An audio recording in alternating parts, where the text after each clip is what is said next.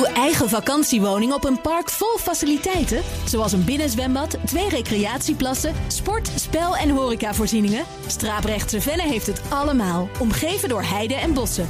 Lees meer op Brabantisprachtig.nl. Een goedemorgen van het FD. Ik ben Luc van den Berg en het is dinsdag 13 juni.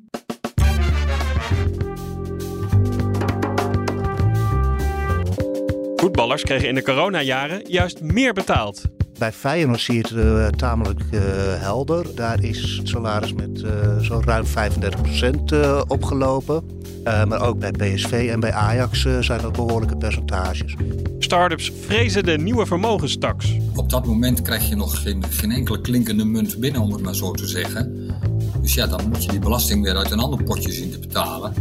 En blijft er minder geld over om te investeren. En niemand is tevreden met de staatssteun aan KLM. In de Tweede Kamer wordt geroepen als ze de volgende keer langskomen met uh, de handen uitgestoken, dan krijgen ze gewoon geen cent. Dit is de dagkoers van het FD. Voetbalclubs zouden gaan snijden in de salarissen om de coronatijd door te komen. En ze kregen meer dan 100 miljoen aan overheidssteun om die periode te overbruggen. Nu blijkt dat de voetballers de afgelopen jaren niet minder, maar juist meer zijn gaan verdienen. MKB-redacteur Frits Konijn vertelt waarom er in die salarissen gesneden zou worden. Op dat moment zaten we midden in de coronacrisis. Dat betekende dat veel clubs, uh, of dat de clubs bepaalde periodes zonder publiek uh, moesten spelen, bepaalde periodes met minder publiek moesten spelen. Nou, dat scheelt natuurlijk uh, bij de inkomsten van die clubs. ze kunnen minder losse kaartjes verkopen. Ze moeten een deel van de seizoenskaarten moeten ze ook uh, compenseren. En betekent ook dat de cateringinkomsten tegenvallen. Dus we kopen minder kroketten dan begroot. En ja, en dan moet de tering naar de nering gezet worden. Zeker ook omdat er op dat moment sprake was van loonsteun, de NOW, waar ook de clubs voor in aanmerking wilden komen. Ja, en even voor de duidelijkheid, hebben ze dan een deal gemaakt met de overheid, die clubs, zodat ze wel die steun kregen? Nee, er is niet echt een deal gemaakt. Er is wel een plan door de KVB gemaakt, dat heet het Deltaplan uh, Betaald Voetbal. Uh, waarin wordt, dringend wordt geadviseerd om uh, de salarissen te verlagen tot 20% Wat daarbij ook nog eens een keertje komt, is een afspraak van de VVCS, de Vereniging van Contract, Contractspelers die, die hebben het over een loonsverlaging van 2,5% voor de, de kleinverdieners uh, in het betaalde voetbal. Uh, dan gaat het nog altijd om ruim een ton. En tot 20% voor de grootverdieners. Nu is dat niet gelukt, want die, je bent erachter gekomen dat die salarissen eigenlijk niet gedaald zijn. Integendeel. Hoe kan dat? Hoe verklaren de clubs of de KNVB dat? Dat die salarissen nou ja, zelfs gestegen zijn in sommige ja, gevallen? Ja, en niet zo'n beetje ook. Hè. Dat, dat gaat wel om 20% van uh, het laatste seizoen voor corona tot uh, de afloop uh, van corona is, blijken die salarissen toch met 20% gestegen te zijn. En is er ook geen enkel seizoen dat de salarissen gedaald zijn. De KVB verklaart dat in een reactie met, een, met eigenlijk met de onderhandelingsmacht van de, van de voetballers. Want die hebben korte contracten. voetballers met zeker de goede, de toppers, die kunnen kiezen uit meerdere clubs. Ja, en kunnen dus ook looneisen stellen. En vergeet ook niet, er zijn natuurlijk heel veel buitenlandse jongens die naar Nederland komen om hier te voetballen. Ja, en waar doen ze dat om? Ja, feitelijk om het geld. En ze hebben een contract en ze kunnen niet gedwongen worden om daarop in te leveren. Je zegt het gaat om de topspelers, hè? die kunnen makkelijk ergens anders meer verdienen. Zie je dat dan ook in verschil van clubs? Dat de topclubs meer moeten uitgeven dan de kleintjes? Nou, bij, bij Feyenoord zie je het uh, tamelijk uh, helder. Uh, daar is, geloof ik, is het salaris met zo'n ruim 35% opgelopen. maar ook bij, bij, bij PSV en bij Ajax zijn dat behoorlijke percentages. En inderdaad, bij de kleinere clubs lijken die percentages minder te zijn opgelopen. Hebben de clubs nog iets anders gedaan om wel de kosten te reduceren in die coronaperiode? Ja, er zijn wel pogingen geweest. Eh, de administratiekosten schijnen verlaagd eh, te zijn eh, geweest. Ik bedoel, ze hoeven natuurlijk ook minder beveiligingspersoneel in te zetten als er minder, ehm, minder mensen zijn. ja, ze zullen minder kroketten hebben ingekocht voor de catering. Dus er zijn wel wat bezuinigingen geweest, ja.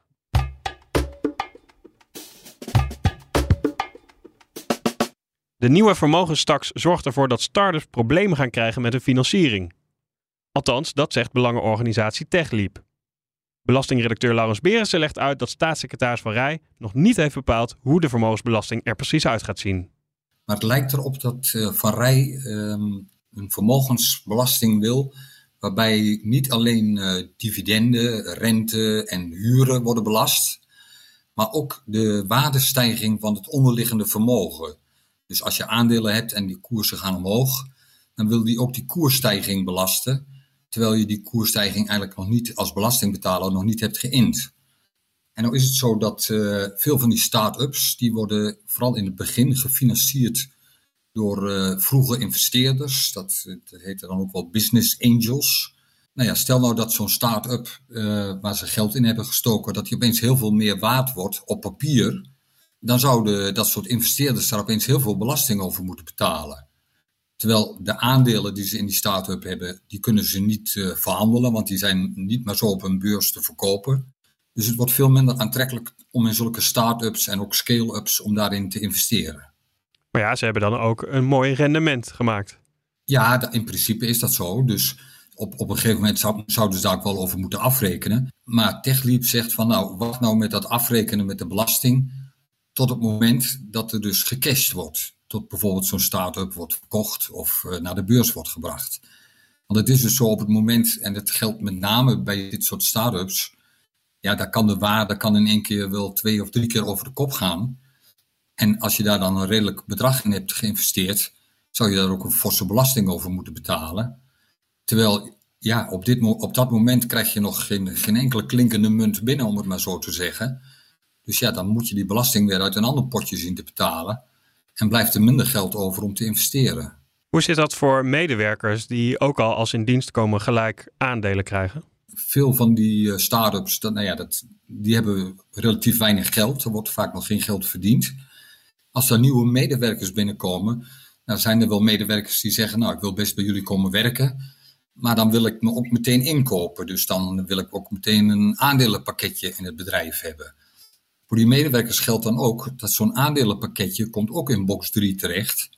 Dus die krijgen hetzelfde probleem zo gauw zo'n aandelenpakket dan opeens veel meer waard wordt. Ze krijgen niet meer geld op de bankrekening, maar hun vermogen wordt wel opeens een stuk groter. En over, de, nou ja, over dat hogere vermogen moeten ze dan wel in één keer afrekenen met de fiscus. En wat wil TechLeap nu? Wat willen ze dat, er, dat Van Rij gaat doen?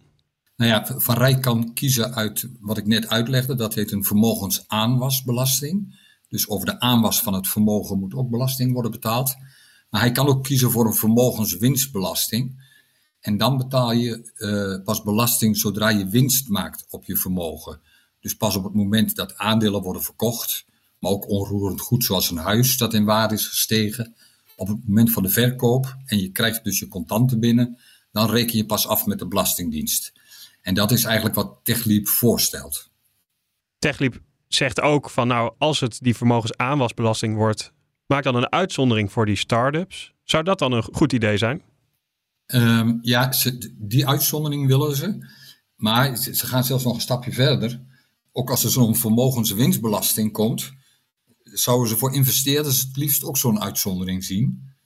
En dan zouden ze investeerders van die belasting willen uitzonderen als ze meteen weer in nieuwe tech-ups uh, of in ja, nieuwe start-ups uh, gaan investeren. Dus ze pleiten ook voor uitzonderingen.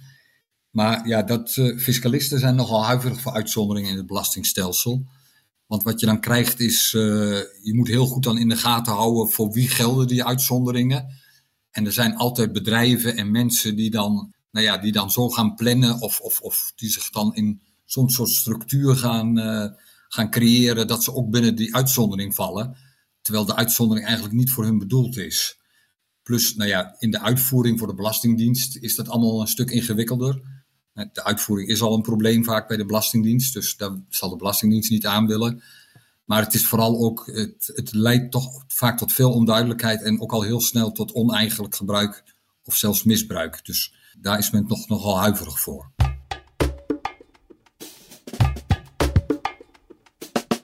Door de coronasteun aan KLM zijn duizenden banen behouden gebleven en bleef Schiphol een overstaphub. En die steun werd ook nog sneller dan verwacht terugbetaald. Toch houden zowel de politiek als de KLM er een bittere nasmaak aan over. Je hoort algemeen verslaggever Pieter Kouwenberg. Hij vertelt eerst waarom KLM chagrijnig is over de steun.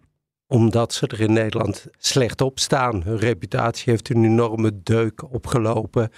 In de Tweede Kamer wordt geroepen als ze de volgende keer langskomen met uh, de handen uitgestoken. Dan krijgen ze gewoon geen cent. Ja, ook al uh, hebben ze het overleefd, hebben ze het snel terugbetaald met rente. Hun reputatie in Nederland heeft een deuk opgelopen. En dat vinden ze niet leuk. En dat wijten ze aan de andere kant van de onderhandelingstafel? Zeker. Dat wijten ze aan, aan de overheidscontroleur en de politiek en de media. Want zij zeggen, uh, als je nou naar Frankrijk kijkt, waar hun zusterbedrijf Air France zit, daar helpt de politiek het bedrijfsleven in die zin dat ze gewoon zeggen, we staan er samen voor de BV voor. En in Nederland is dat niet zo. Het ministerie van Financiën is er eigenlijk ook niet zo heel blij mee. De Tweede Kamer is er niet zo heel blij mee. Waar zit bij hun de frictie? Nou ja, het ministerie van Financiën heeft dus, zo dacht ze althans, keurig volgens de spelregels die na de bankencrisis zijn opgesteld over wel of geen staatssteun geven, keurig het hele afwegingskader, zoals het zo mooi heet, langsgelopen, heeft voorwaarden gesteld van uh, de aandeelhouder moet pijn lijden, het management, de medewerkers, Iedereen uh, moet pijn lijden. Dus zij denken, nou, we hebben het goed gedaan. Alleen de KLM heeft de voorwaarden, de afspraken die bij die steunoperatie horen. Dus ze hebben 3,4 miljard in principe kunnen lenen van de overheid. En in ruil moesten ze afspraken nakomen over duurzaamheid en over bezuinigingen. En KLM is die afspraken niet nagekomen. En het ministerie heeft ze daarop aangesproken. KLM heeft niet geluisterd. En nu moet het ministerie onder druk van de Tweede Kamer door juristen laten onderzoeken of ze KLM voor de rechter dagen, een boete gaan geven of een ander soort straf. En daar heeft, daar heeft Financiën eigenlijk helemaal geen zin in. Maar zij hadden toch die staatsagent om daar op toe te zien? Zeker, maar de staatsagent kijkt in opdracht van de minister. Doen ze wat er is gevraagd, wat er is afgesproken? Als het antwoord nee is, schrijft hij dat keurig op en dan is het aan de minister om te zeggen: Oké, ik nodig KLM uit om een kopje koffie te drinken. En dat heeft ze meerdere keren gedaan. Maar uh, de minister heeft uiteindelijk niet gezegd van. Nou, weet je wat? Dan trekken we de steunvoorwaarden in. Of uh, ik leg je een boete op. Of uh, ik bedenk iets anders als straf. De minister heeft het gelaten bij indringende gesprekken.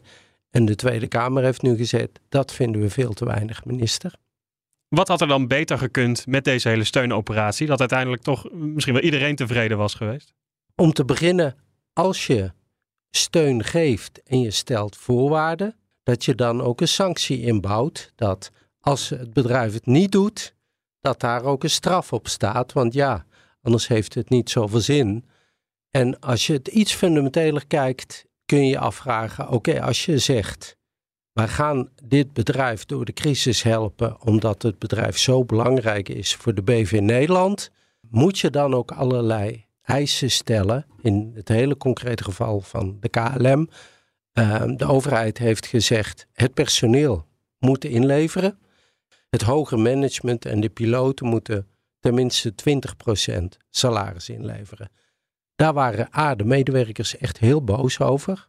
Want die moesten in crisistijd toch proberen de boel overeind te houden. De piloten waren er boos over, want die werden voor hun gevoel als graaiers neergezet. En de KLM-directie was er heel boos over, omdat die zeiden: ja, we proberen met die medewerker, gemotiveerde club medewerkers te houden om KLM door de COVID-crisis heen te loodsen. En die mensen die kijken ons met de nek aan, omdat wij dit akkoord met het ministerie hebben gemaakt. Dus voor mij zou de les zijn: denk nog eens heel goed na wat je dan als zeg maar politieke wensen die je hebt, uh, of, je, of je die echt moet opleggen als je steun geeft. Dus de spelregels duidelijker maken van tevoren? Met, met ook de straffen die daar dan bij horen? Zeker. Of uh, minder spelregels opleggen. En als je toch spelregels aan detail erin legt, zorg dat je er dan ook een straf aan koppelt.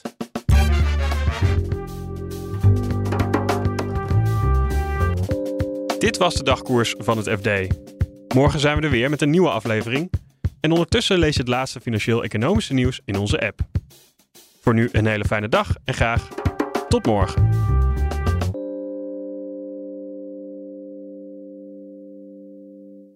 juni opent Landal Greenparks vakantiepark de Strabrechtse Venne in Zomeren haar deuren.